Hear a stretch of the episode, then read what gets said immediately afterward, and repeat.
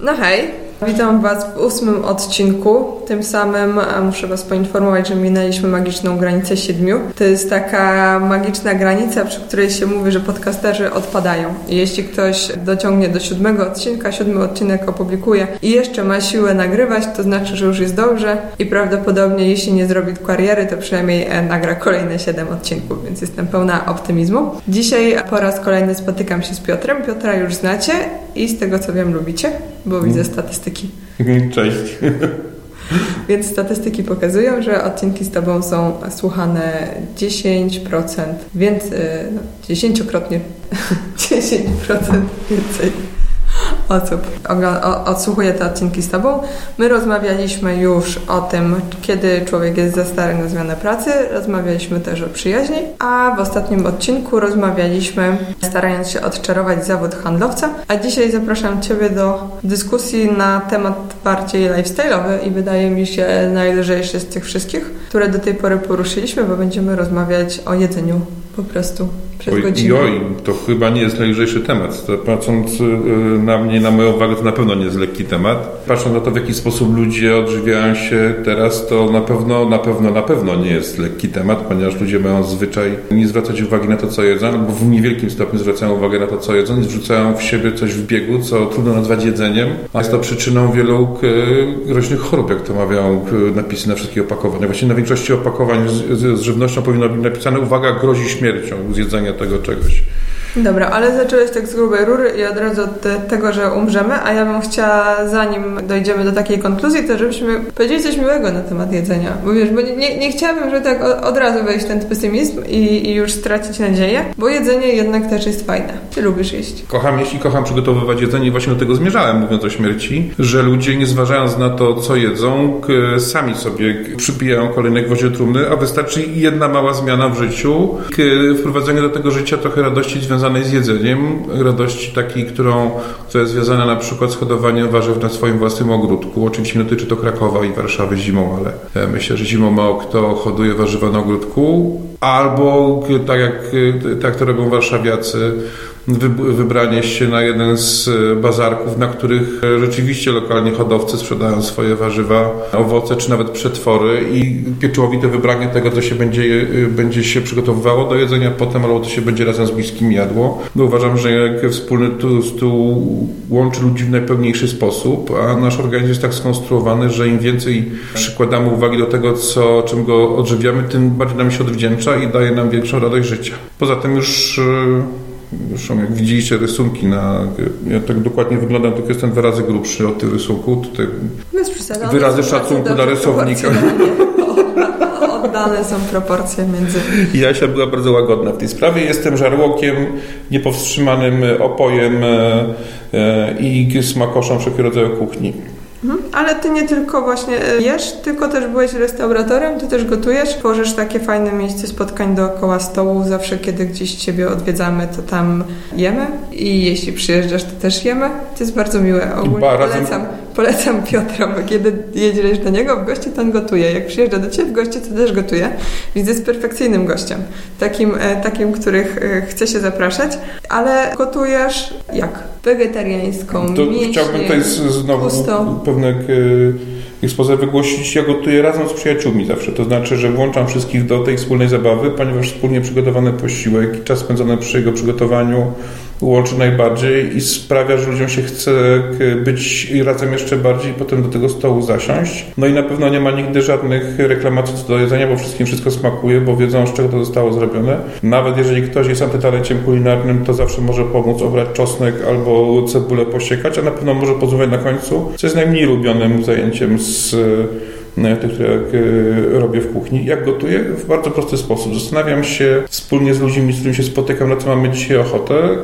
Albo robimy akcję pod tytułem zobaczymy, co, co kryje nasza lodówka i zobaczymy, co z tego się uda e, przygotować. Staram się, żeby wszystkie składniki były świeże, na tyle, na ile jest możliwe oczywiście i na tyle, na ile technologia przygotowania jedzenia bezpiecznego dla naszego zdrowia pozwala na to. I robimy to, na co mamy ochotę po prostu. Kombinujemy, często się to zmienia w czasie przygotowania, coś zupełnie nowego ewoluuje i eksperymentujemy w różny sposób z różnego rodzaju kuchniami, łącząc je albo będąc purystycznie nastawieni, tylko i wyłącznie przygotowujemy przepisy zgodne z tradycją kulinarną danego regionu świata. To jest super zabawa po prostu. Mhm, bo też chciałam powiedzieć a propos tego, co mówisz, to może być cenna wskazówka dla rodziców albo pesymistyczny e, fragment mojej wypowiedzi o tym, że jeśli wszyscy gotujemy, to też nikt nie ma ludzi na jedzenie, bo każdy był zaangażowany w jego tworzenie. To jest podobno rewelacyjna metoda na to, żeby dzieci tak e, zachęcić do jedzenia. Ja testowałam tę metodę na mojej córce, ona wszystko jest w stanie ugotować, we wszystkim pomóc, a na koniec tego nie zjeść. Więc e, nie zawsze to się sprawdza, ale w ten sposób dowiedziałam się, że moje dziecko potrafi bardzo dużo zrobić i na przykład tę sobotę moje dziecko serwowało jecznicę, którą Samo sobie dzielnie wykonało. I zjadło, zjadło z wami jecznicę? Znaczy, no tam Dziubnęło. Więcej chleba, tak. bo jest chlebofanką. To ja chciałbym taki apel wygłosić do rodziców. Yy, kochani rodzice, przestańcie napychać swoje dzieci.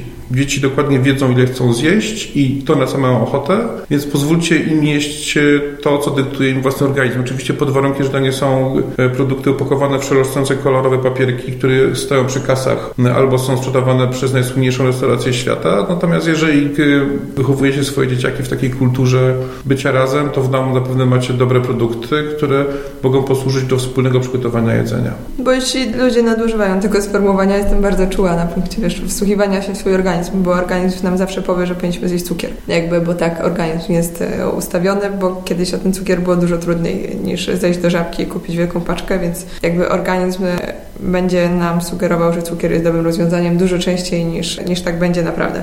Ale tak, tak jak mówię, że jeśli mamy po prostu sensownie zorganizowaną kuchnię, sensownie zaopatrzone lodówkę, to, to tam możemy jeść. Ja zawsze jestem w ciężkim szoku i bardzo współczuję ludziom, którzy muszą zjeść do końca. I dla mnie to jest tak przerażające. Ja niestety jestem e, tym złym człowiekiem, bo dla mnie nie ma obowiązku zjeść do końca. Jeśli mamy takie danie, które serwujemy na talerze bezpośrednio, a nie każdy sobie nakłada, no to ja każdemu nakładam tyle, żeby na pewno się najadł. I absolutnie nie oczekuję od nikogo, że e, on ten talerz wyczyści. A niektórzy ludzie tak mają, że po prostu muszą zjeść tyle, ile im zostało nałożone i będą się męczyć i, i gdzieś to jedzenie po prostu w siebie wciskać. E, oni autentycznie są w stanie jakby przestać i wyrzucić ja, tych ja jestem, ja jestem takim przykładem niestety.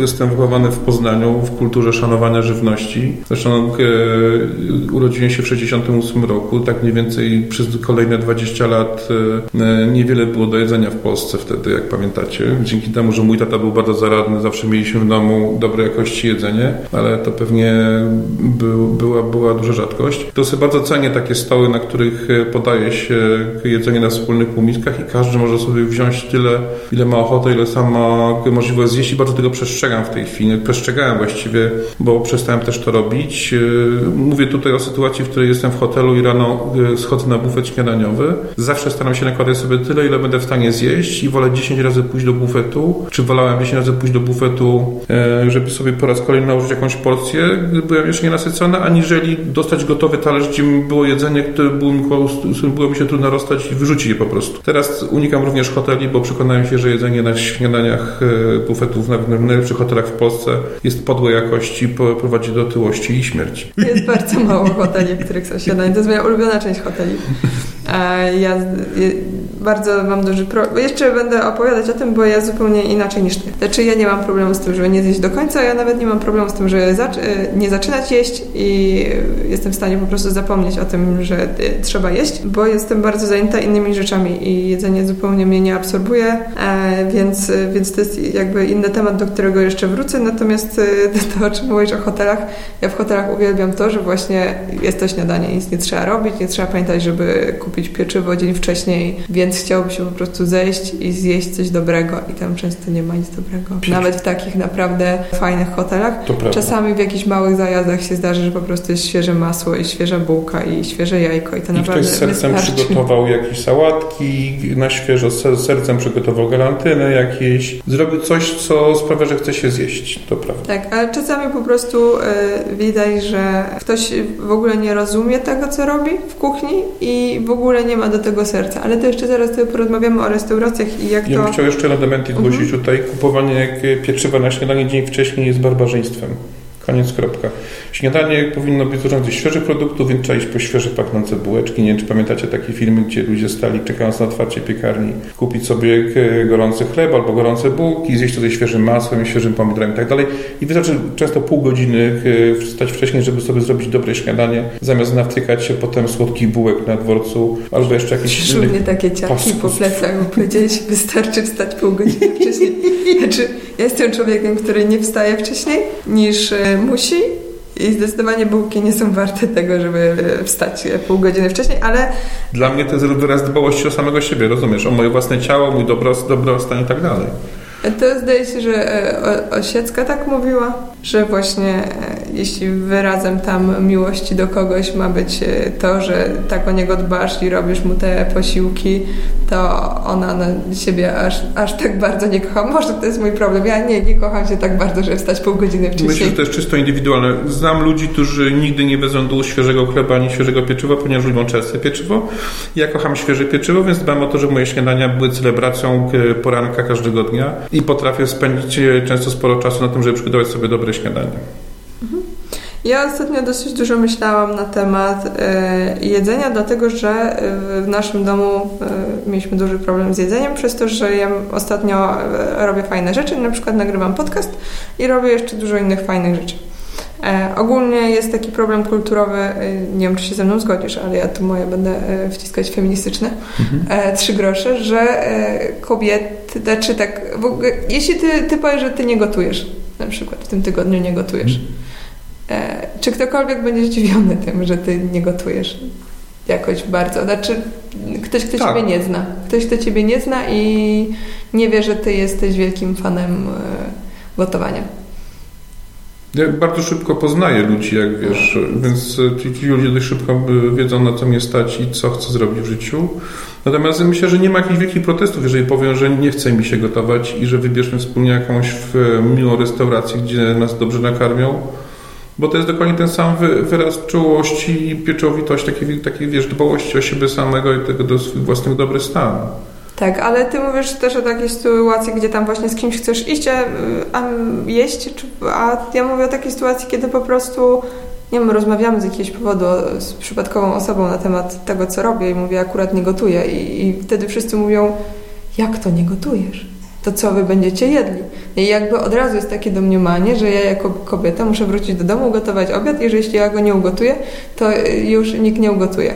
No nie, jakby To nie jest, jest mój świat. W moim świecie moi przyjaciele e, gotują tak samo często jak ich partnerki czy partnerzy życiowi- i dzielą się tymi obowiązkami, więc e, być może pewnie tak jest na świecie i w Polsce też, gotują głównie kobiety, sprzątają kobiety i kobiety rodzą dzieci, a potem wychowują. No, Ale dzięki Bogu e, otaczamy się ludźmi, którzy po- podzielają nasze poglądy i, i dzielą się obowiązkami ze swoimi partnerkami partnerami życiowymi z przyjemnością. Okej, tylko jakby ja nigdy nie spotkałam się w takiej sytuacji, e, gdzie tam ktoś by się zapytał Łukasza, który był gościem poprzednich odcinków, dlaczego ty nie gotujesz? No to jest zupełnie normalne, że on jest poważnym, pracującym człowiekiem i on późno wraca z pracy i on wtedy nie gotuje. Więc e, dla mnie to było, dałam się przez chwilę wtłoczyć w taki schemat, że jakby ja mam taki obowiązek, powinność, żeby ten obiad ugotować. E, A nie mam, bo też jestem poważnym, pracującym człowiekiem, po prostu nie mam czasu, ale zanim do tego doszłam, to przetestowaliśmy kilka opcji. E, Przetestowaliśmy kilka opcji. E, Po pierwsze, ja nie mam problemu z tym, co je moje dziecko, ponieważ moje dziecko je w szkole, więc jedyny problem jest taki, że trzeba zjeść kolację. Więc e, tutaj problem odpada, inaczej gdybym miała małe dzieci, które muszą jeść. Moje dzieci e, są sam, samodzielnie się żywią e, w szkolnej stołówce i to jest rzecz, której się nie da zmienić, bo po prostu ona je o 13 i nie ma takiej opcji, żeby w inny sposób jeść o 13. I testowaliśmy kilka rozwiązań. Najpierw stwierdziliśmy, że będziemy jeść na mieście. I moje doświadczenia z jedzeniem na mieście są takie, przynajmniej tutaj w Trójmieście, że nawet jeśli pójdę do jakiejś knajpy jest fajnie, to następnym razem, kiedy do niej pójdę, to już nie jest nie fajnie. I są trzy powody, dla których tam jest niefajnie. Albo coś jest nie tak z jedzeniem, albo jest coś nie tak z obsługą, albo jest coś nie tak z lokalem. E, I to było zupełnie bez sensu, bo to jedzenie na mieście jest dosyć drogie, więc y, chciałoby się dostać przynajmniej jakąś równą jakość. Ja nie mówię epicką jakość, ja mówię równą jakość. To prawda. Mam bardzo podobne doświadczenia jak ty. Na szczęście w tej chwili jesteśmy świadkiem wielkiej rebelii kulinarnej w Polsce. Powstaje mnóstwo takich małych mm, e, partyzanckich miejsc, gdzie można dobrze zjeść i gdzie właściciele lokalu, który ma 4 na 4 metry kwadratowe dbają o to, żeby ich goście wracali każdego razu zostali nasyceni czymś dobrym i wyjątkowym. Mhm. I to jest fajne. To jest fajne, jeśli właśnie widzimy, że w tej kuchni jest ktoś, kto w ogóle wie, co robi. Oby wszystkie podłe restauracje padły. Tego im życzymy.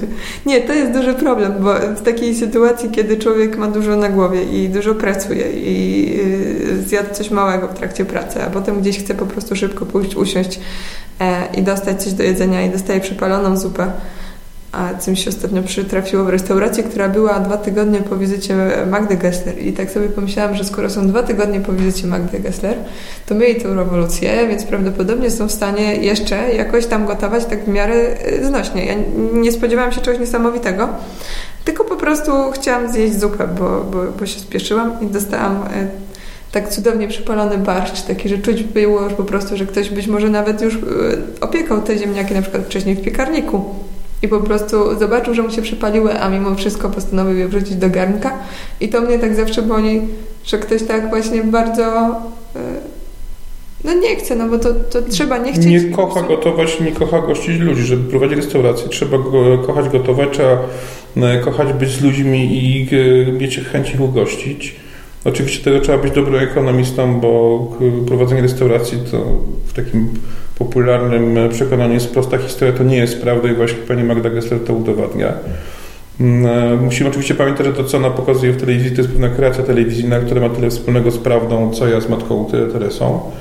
Natomiast no, to, czego bezwzględnie uczy pani Gessler, to prowadzenie restauracji w taki bardzo porządny, rzetelny sposób, gdzie no, ludzie się karmi dobrymi, dobrymi potrawami, zrobionych z dobrych produktów z, przez ludzi, którzy kochają to robić. Tak, no więc y, to był ten pierwszy sposób, który testowaliśmy. To było właśnie jedzenie w restauracji. To w ogóle nie wyszło, bo to było i drogie i często był problem, że na przykład albo nie było miejsca, albo właśnie coś było nie tak i tak wychodziliśmy stamtąd głodni. E, I, I to było drugie podejście. E, drug, znaczy to było pierwsze, a drugim podejściem było planowanie posiłków. To było takie e, mój test na to, żeby jednak wrócić do tego gotowania w domu. I ja każdemu to bardzo polecam, żeby e, zobaczyć, jak to faktycznie wygląda. Bo u, nieko- u, niektórych to się sprawdza bardzo fajnie. Ja po prostu sobie usiadłam w weekend, wzięłam karteczkę, podzieliłam na 7 części, zapisałam, jakie posiłki należy jeść i jakie to mogłyby być posiłki, co będzie w miarę łatwe do ugotowania, ale zależało mi też na tym, żeby nie iść na skróty, żeby to nie było tak, że skoro gotuję w domu, to ja ugotuję jeden wielki gar i będziemy jeść to samo przez cały dzień, a najlepiej przez trzy. Kochanie, co zrobiłaś dzisiaj na obiad? Nic. Wczoraj też było nic. No widzisz, na dwa dni zrobiłam. Dokładnie, ale to, to u mnie często, często tak wygląda, natomiast starałam się to zrobić właśnie nie na skróty i nie gotując półproduktów takich, e, ja po prostu Convenient nie lubię. food tak zwanego. Tak, a mój problem jest taki, że ja w ogóle nie poświę... jakby jedzenie samo w sobie nie jest dla mnie aż tak interesujące e, i zazwyczaj o nim nie pamiętam, chyba, że akurat chcę ugotować. E, a, i, i, zrobić coś naprawdę fajnego, a jeśli to jedzenie ma być jeszcze niedobre, no to ja już na pewno nie będę o nim pamiętać i na pewno go nie zjem, więc ja mam o tyle dobrze, że dla mnie jedzenie takiego śmieciowego żarcia e, po prostu nie wychodzi, bo ja wolę nic nie zjeść, niż otworzyć taką paczkę tam mrożonek, e, wszystkie mrożonki świata i przyprawa też z saszetki i tłuszcz z drugiej saszetki, to wszystko wymieszaj i tam ugotuj sobie ryż, no to to jest po prostu, to jest niedobre. Ja, mi to nie smakuje, więc ja tego nie zjem, bo musiałabym się zmusić, żeby to zjeść. Ja nie jestem w stanie zaplanować posiłku na 7, na 2 dni nawet nie jestem w stanie zaplanować posiłku. Jestem orędownikiem takiego podejścia codziennych zakupów, zastanawiam się na to, na co masz ochotę, bo to jest po pierwsze miły, miła odskocznia dla umysłu zajętego ciężką pracą. Dwa, zawsze kupujesz takie ilości, które jesteś w stanie skonsumować tego dnia i to jedzenie jest zawsze bezwarunkowo świeże.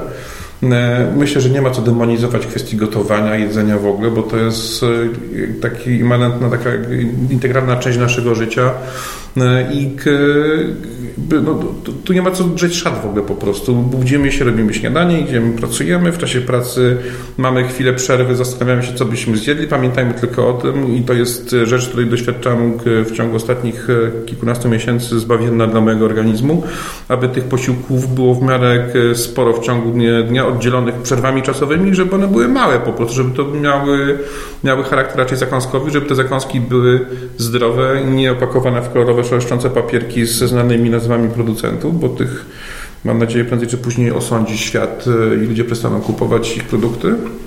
Tylko żeby to były jakieś fajne rzeczy, które sobie sami no, mam ochotę chrupnąć marchewkę albo chrupnąć kalarepkę, albo przyrządzić sobie coś miłego z kurczaka, co zajmuje naprawdę niewiele czasu i jest zawsze świeże. Ale no Zwłaszcza, to... przepraszam, ja się jeszcze mhm. tej przerwę, że kurczaka powinniśmy sami wybierać, ponieważ to, co sprzedaje się w sklepach pod nazwą drób, nigdy nie było obok kurczaka nawet położone Wystarczy dokonać takiego eksperymentu, żeby położyć to coś, co nazywają w kurczakiem przez jakiś czas e, poza lodówką, zobaczycie, co się z tym stanie. Wtedy to się po prostu rozpadnie w taką garetkę, więc dobierajcie sobie kurczaki od lokalnych producentów. Nie, nie mówię, żebyście hodowali na, na balkonach, jak to robiliśmy w latach 80., kury, koguty i tak dalej, znosiły jajka. Kury oczywiście nie koguty, koguty nosiły jajka. Nosiły, nie znosiły. Taki dowcip był. Teraz nikogo nie Przepraszam. Już e, zareagowałam. Dobra, teraz ty...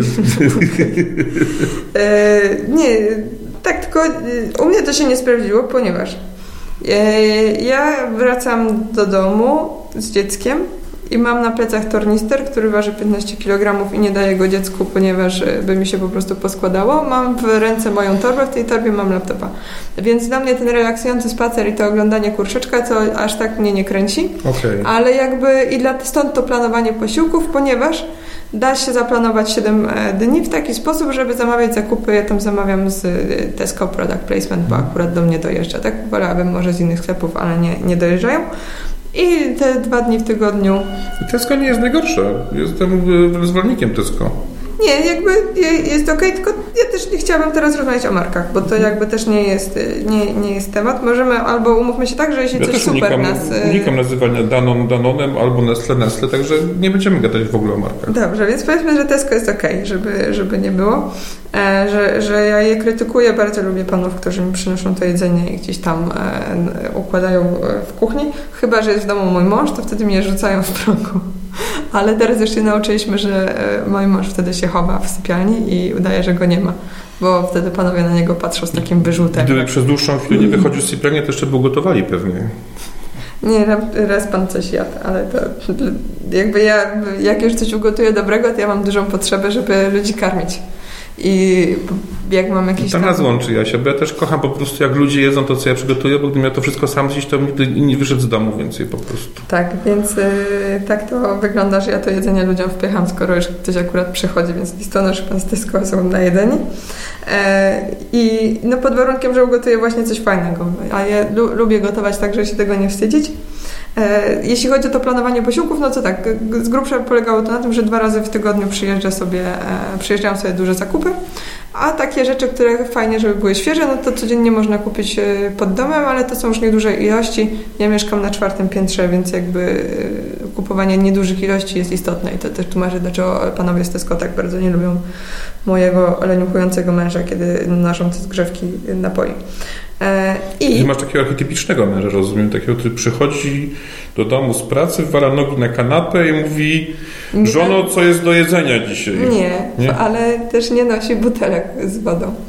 No tak, bo to jest rola kobiety w domu. Nie, bo to jest rola pana Stasko.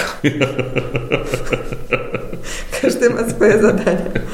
Y, ale... Ja chciałbym też wtrącić coś, jeszcze Patrzę, jedną ja rzecz. cały czas płynę, płynę i nie mogę dopłynąć. O, sorry. Dlaczego po, dopłyn... mi dopłynąć, bo już opadam z sił. Y, dlaczego to planowanie posiłków było dla mnie wartościowym doświadczeniem? Ono trwało y, trzy tygodnie, bo tyle wytrzymałam bo ja sobie dokładnie obliczyłam w tym czasie, ile czasu zajmuje mi przygotowanie tych posiłków i robienie tych zakupów. I mogłam spojrzeć mój kalendarz i powiedzieć na 100% nie ma tam czasu na gotowanie. Jakby dla mnie to było o tyle fajne w głowę, że cały czas miałam to wrażenie, że ja się nie wyrabiam z tym gotowaniem posiłków, ponieważ albo mam to źle zaplanowane, albo jestem źle zorganizowana, albo po prostu jestem leniwa. A po tym, jak to wszystko rozpisałam, zapisałam sobie czas i nawet robienia takich prostych posiłków, szybkich zakupów, to i tak to zabierało za dużo czasu który wolę poświęcić na to, żeby teraz z tą porozmawiać o gotowaniu. To ty jak już dopłynąć do tego momentu, to się boję, to jaki będzie kolejny krok w tym momencie, skoro przestać gotować. Ja chciałbym też po, taką dygresję, obecną naturą dygresyjną, jak już zauważyliście pewnie, że jak się robi duże zakupy, to się dużo wyrzuca jedzenia, więc jestem cały czas, tak jak mówię, zwolennikiem małych zakupów codziennie, no i wtedy tej żywności się nie wyrzuca. Tak, ze swojej zwykłej przyzwoitości, bo skoro już jakieś zwierzę poświęciło życie, żebyśmy mogli się nim posilić, to należy tam oddać pewną cześć i jak już jesteśmy y, zwierzęcożercami. Ja to nie tak kupuję mięsa, więc żadne zwierzę no to macie, nie poświęca, więc marchewkę poświęcę. Marchewka Ale też. Natomiast, te, też człowiek. Marchewka też cierpi. E, Mogła być dużą, poważną marchwią, a nie małą karotką. E, tak, tylko właśnie dlatego to planowanie posiłków, e, a już Tobie tłumaczę, jak to planowanie posiłków się odbywa. Odbywa się w ten sposób, że ja mam dokładny przepis przed nosem, bo ja mam różne przepisy pozbierane i powiedzmy mniej więcej się ich trzymam, albo już patrząc na przepis wiem, jak go zmodyfikować. Więc mam powiedzmy 7 obiadów, 7 przepisów, więc składniki z tych siedmiu obiadów mogę po prostu przepisać i je zamówić i wtedy nie zamawiam więcej. To nie jest takie klasyczne robienie, mhm. tak jak robiłam to do tej pory. To było tak, że siadałam w niedzielę i sobie myślę, o mój Boże, nie mamy nic do jedzenia. Wchodzę na stronę sklepu i wrzucam do koszyka, co mi przyjdzie do głowy, a coś z tego wymyślę. I wtedy faktycznie były duże straty, ale e, w tym momencie planowania ograniczałam te straty. Ale doszłam też do wniosku, że zajmuje to za dużo czasu. Gotuję w weekendy, więc się nie martw E, gotuję w weekendy i pozwalam sobie na to, żeby to mi dawało radość. I to jest jakby dużo fajniejsze. Ja mogę sobie wtedy pojechać, tutaj mamy w Gdyni jadłostajnie, czyli miejsce takie, gdzie możemy kupić mm. właśnie fajne, e, różne wiejskie, czy to warzywa, czy jakiś e, dobry chleb, czy fajne mięso nawet. Owoce rebelii kulinarnej. Prawdopodobnie też i to jest dużo przyjemniejsze i to daje Ci taką radość i wtedy faktycznie chce się zaprosić gości i faktycznie ja czuję, że zrobiłam coś fajnego i wtedy mogę sobie stać przy tym garnku dłuższą chwilę, tak żeby, nie jeśli coś trzeba dusić, no to faktycznie to dusić, tak aż to, wiesz, będzie aromatyczne, a nie, że ja się spieszę, bo ja muszę wyjść za godzinę i ja muszę e, zrobić coś, żeby to... to Włączasz gości w akt tworzenia jedzenia wspólnego? Nie. Nie, ja nie praktykuję takich rzeczy. Sadam gości, znaczy najpierw muszę ich upolować, zamówić zakupy z Tesco, żeby pan przychodził i mogę mu wcisnąć, wiesz, nowe kaszotto. Jesteś, jesteś kucharzem drapieżną, który jest łakomym nowych konsumentów. Tak, no czasami nie mam czasu, żeby zorganizować jakąś tam imprezę, a jednak każdego, kogoś tam bym chciała nakarmić.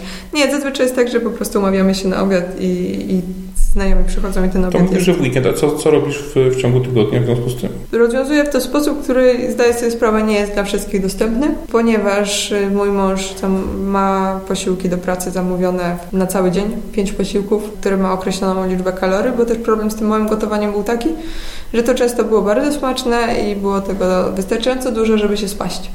E, I to jest problem. Nie mówię, że mój mąż jest spasiony, ponieważ w odpowiednim momencie zareagowaliśmy, czy też on zareagował, ale na pewno ta dieta pudełkowa pozwala lepiej kontrolować ilość spożywanych kalorii, ograniczyć takie podjadanie. Bo często jest tak, że e, no było, było w ten sposób, że Łukasz wiesz, nie poszedł jeść na mieście, bo wiedział, że w domu jest obiad i ja coś tam gotowałam, ale już był głodny, więc poszedł na stację benzynową, która jest pod biurem i zjadł jakieś świństwo. No to, to zupełnie się mija z celem, tak? Bo jakby z jednej strony gotujemy w domu, żeby było pełnowartościowo, ale z drugiej strony gdzieś tam w międzyczasie e, podjadamy. Więc... Dlatego duża ilość przekąsek zabezpiecza nas przed tego typu rzeczami. Dokładnie. No i te, te posiłki, które są dostarczane codziennie rano pod drzwi, no rozwiązują ten problem, bo tego jedzenia jest naprawdę dużo, więc e, nie ma takiego problemu, że, że Łukasz chodzi głodny. Tylko to nie jest rozwiązanie dla wszystkich, ponieważ to jest dosyć drogie. Więc jakby ja tutaj e, nie, nie Myślę, mogę że wzrastająca konkurencja spowoduje, że wkrótce ceny tych posiłków dostarczanych pod drzwi nie tracąc nic na jakości spadną, więc... No mam nadzieję, a ja rozwiązuję to w ten sposób, że ja pracuję w kuchni więc ja mam łatwy dostęp do blendera i bez problemu jestem w stanie sobie sięgnąć po właśnie zrobić jakiś koktajl w trakcie pracy. Jestem w stanie sobie zjeść e, kanapkę, nie wiem, jakiś owoc, który gdzieś tam w kuchni leży, więc jedzenie takich do godziny 13 e, jest zorganizowane. Ja jestem człowiekiem, który ustawia sobie budzik, żeby pamiętać, że ma zjeść, e, więc raczej nie mam problemu z podjadaniem, raczej po prostu zapomnę i się zorientuję, że jest godzina 12, a ja nic nie jadłam, dlatego ja mam po prostu ustawione przypomnienie, żeby się oderwać od pracy, bo jak mam flow i robię coś fajnego, to zupełnie nie wiem, co się dzieje dookoła mnie. A potem chodzę do baru e, jakiegoś mlecznego, co ma wymiar terapeutyczny. Co to znaczy? Że tam nareszcie jest jedzenie dobrze przygotowane przez panie, które wiedzą co i jak i robią to zgodnie z starymi dobrymi przepisami, nie używają przeterminowanych produktów ze znanych sieci Nie. dyskontów? Czy... Nie, to znaczy, że y, ja pracuję sama i cały czas przebywam w domu sama i stąd ten taki y, Aha. rzucanie się na, na listonoszy różnych y, kurierów, którzy tam przychodzą i potem kończy się to w ten sposób, że człowiek idzie do warzywniaka i przez pół godziny tam opowiada historię swojego życia albo cokolwiek mówi, żeby po prostu być w jakimkolwiek kontakcie z człowiekiem. E, I chodzenie do baru mlecznego jest o tyle fajne, że tam są ludzie i tam jest tłok i tam są różni ludzie. I zauważyłam, że dobrze mi robi e, takie przebywanie w tym tłumie ludzi.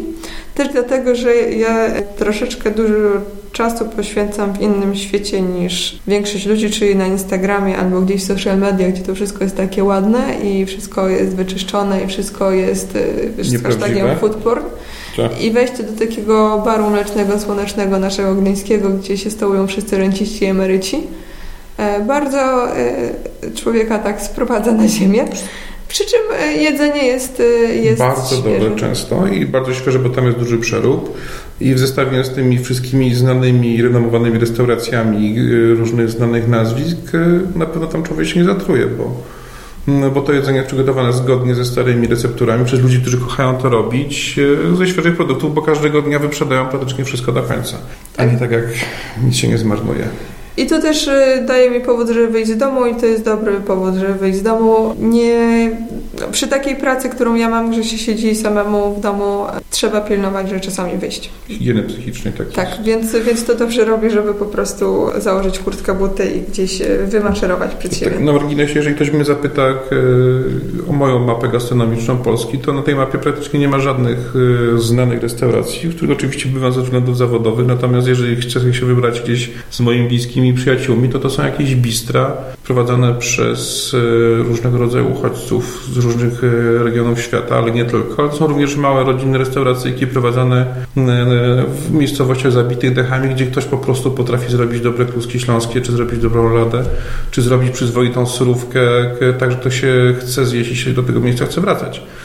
Unikam jak ognia wszystkich renomowanych e, gastronomów, którzy mają więcej wspólnego właśnie z tym Instagramem, o którym powiedziałeś wcześniej, z nieprawdą, którą się sprzedaje w sieci, w mediach społecznościowych, aniżeli z e, takim naszym codziennym życiem, a co za tym idzie naszym odżywianiem. Więc zachęcam do odwiedzin barów mlecznych i sprawdzania różnych małych partyzanckich restauracyjek i lokali prowadzonych przez mamę e, z tatą i gdzie dziecko pomaga czasami w kuchni, czasami po prostu się bawi, odrywia lekcję przy obok, bo tam będziecie mieli prawdziwą kuchnię robioną przez ludzi, którzy kochają to, co robią, robią to z pasji po to, żeby ich rodzina również mogła się utrzymać. Zresztą widziałem taki, taki, taki mem internetowy, gdzie ktoś wystawił tablicę przed swoją restaurację kupuj u mnie, ponieważ dzięki temu, że kupujesz u mnie, moja córeczka będzie miała lekcję tańca, a kupując w dużych, wielkich sieciowych y, miejscach sprawia, że tylko menedżer tej, tej wielkiej sieci będzie miał kolejną willę w innym rejonie świata. Więc sprawdzajmy małe lokalne, nawet jeżeli czasami się nadziejemy na coś niedobrego, to w większości przypadków będziemy zachwyceni tym, co będziemy tam jedli.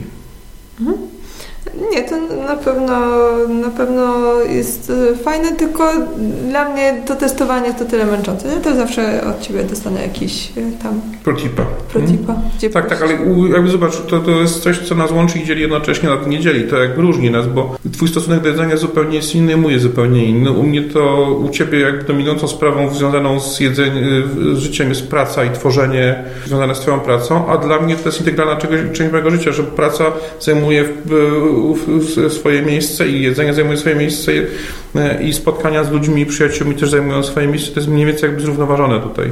Nie jest to takie, wiesz, poświęcenie się jednej rzeczy, ale też dzieli nas jakby przepaść wiekowa, e, bo ty jesteś młodą osobą, która w tej chwili zachłannie zdobyła cały świat, a ja jestem dojrzałym facetem, który e, często przygląda się temu światu zadziwienie i zastanawia się nad sensownością niektórych rzeczy, które robi, czy w, w, wartością niektórych znajomości i przyjaźni już w tej chwili nawet e, do tego stopnia doszło. Czasami wolę posiedzieć sobie sam w domu i to sobie bardzo cenię, aniżeli wychodzić gdzieś do ludzi nawet. To znaczy, tak. Nie wiem. Znaczy, wydaje mi się, że ty więcej wychodzisz do ludzi zdecydowanie niż ja. Ja nie, nie jestem e, fanką wychodzenia, zmuszam się do tego, żeby mhm. wejść do baru mlecznego, natomiast ja nie twierdzę, że to, co ja robię jest ok i to też nie jest kwestia tego, że jestem aż tak zajęta e, wszystkim. Po prostu e, w takim codziennym życiu o tym nie pamiętam i ja też starałam się sobie z tym jakoś radzić, bo ja zdaję sobie sprawę z tego, że to nie jest dobre. Tak samo jak obżeranie się nie jest dobre, tak samo zapominanie o tym, że trzeba jeść nie jest dobre. I tu zaczyna się problem taki, e, czy ty byłeś kiedyś u dietetyka? Byłem pierwszy i ostatni raz. Powiedziałem pani, już tutaj w tym mieście nawet wpadłem taki pomysł, żeby zacząć w jakiś sposób taki przy wsparciu kogoś z zewnątrz dbać o swoją, o swoją tuszę, właściwie o jej utratę. Poszedłem do dietetyczki i mówię, że mam tryb życia, w którym przejeżdżam 10 tysięcy kilometrów e, miesięcznie, że żywię się głównie w hotelach i w restauracjach po drodze i że potrzebuję taką dietę, która biorąc pod uwagę te wszystkie uwarunkowania sprawi, że będę mógł w aktywny sposób ograniczyć ilość kalorii spożywanych w ciągu dnia. No i dostałem po kilku dniach dietę, w której były wszystkie rzeczy, których nienawidzę z hoteli i z różnych restauracji i pomyślałem sobie, że wyrzuciłem w błoto 300 zł i odpuściłem sobie Natomiast rozum wraca do, do, do, głowy po jakimś czasie, kiedy człowiek nie lubisz tego słuchania siebie. Ja cukru nie jem od dziewiątego roku życia. Nie słodzę herbaty, kawy, nie słodzę żadnych napojów. No bardzo mało piję napojów słodzonych, a mimo to nie uchroniło mnie to przed otyłością. Słucham bardzo uważnie swojego organizmu i tak powiedziałem, największym doświadczeniem moim w tej chwili jest to, żeby mieć przy sobie zawsze dużą ilość przekąsek. Czy to są y, orzechy, czy to jest żurawina, czy to są suszone owoce, czy to są nawet ulubione moje małe śledziki. Wiem, że w jest cukier, bo w tej chwili cukier jest praktycznie we wszystkim już. Halo, halo, tu przerywamy naszą audycję, aby nadać ważny komunikat.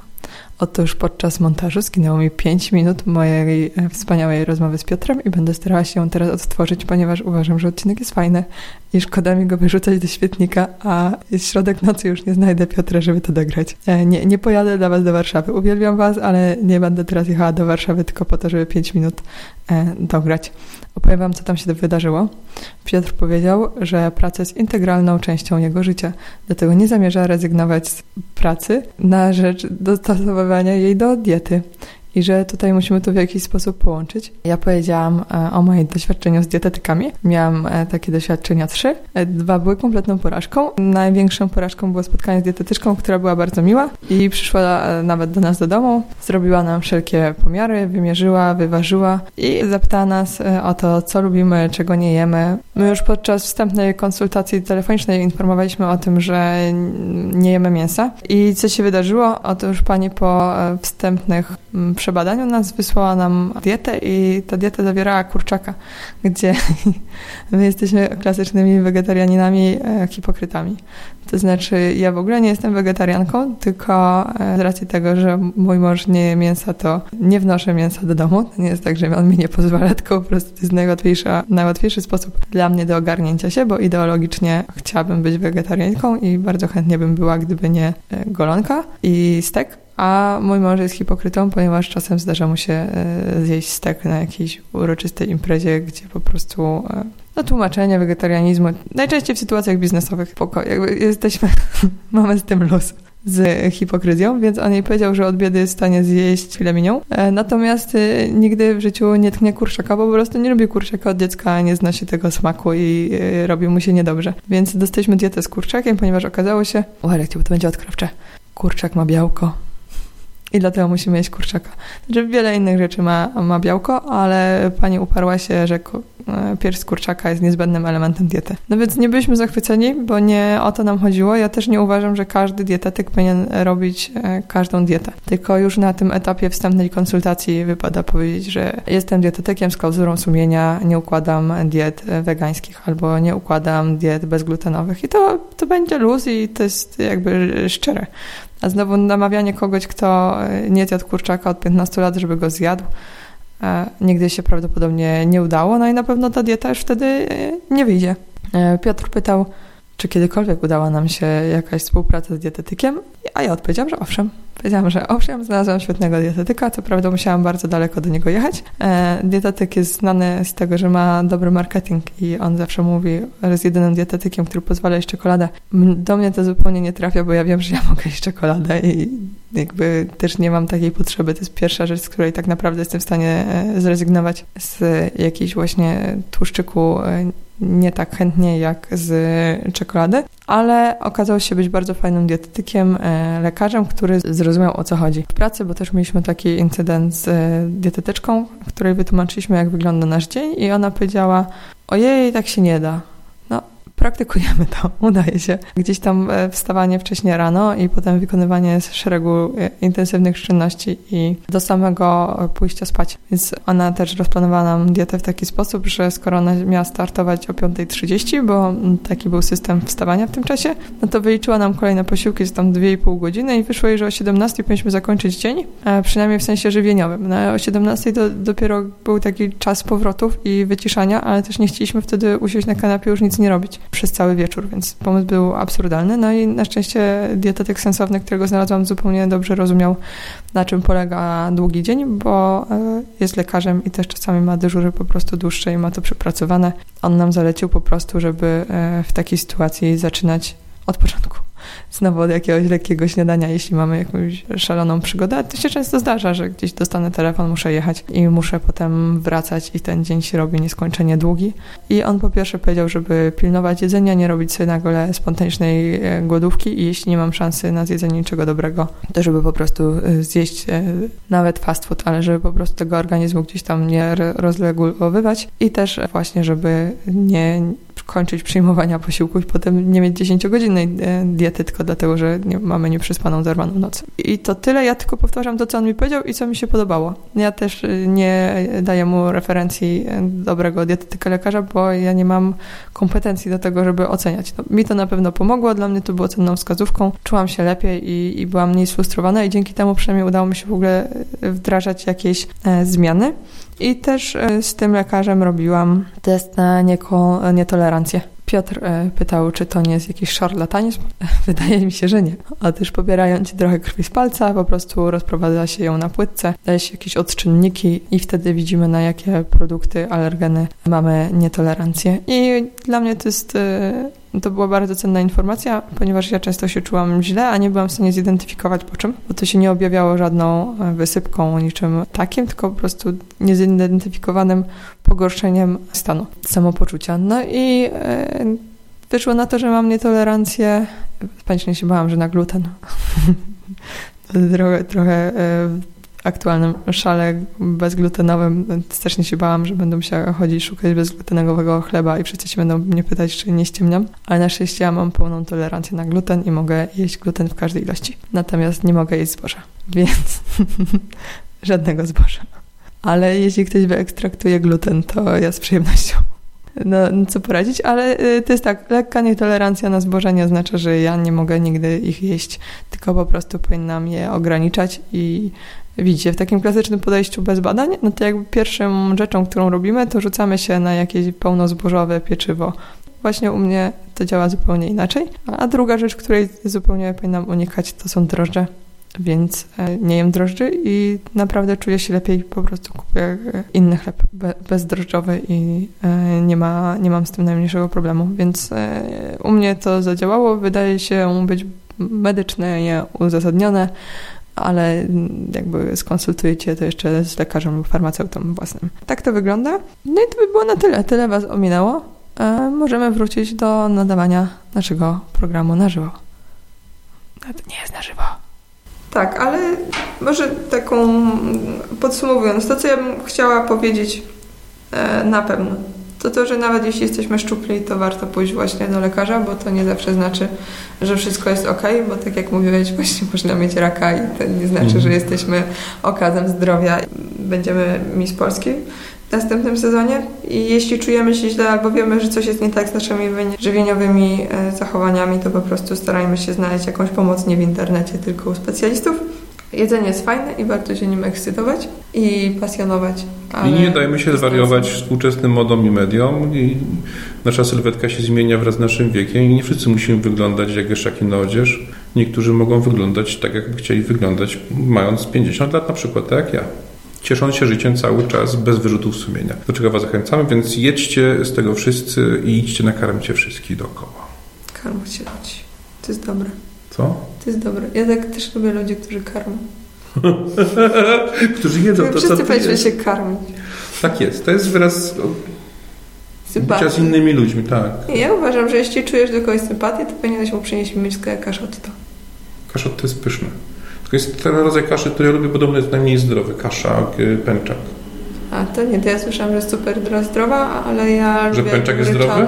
Tak. To zmieniłeś mój świat, teraz będę z radością jadł y, kaszotto z pęczaku zamiast obrzydliwie kaszy, którą do tej pory jadłem, której nie cierpię. To ja najbardziej lubię gryczaną i z grzybkami. Mm, ja. Smacznego. Pa, Na zdrowie.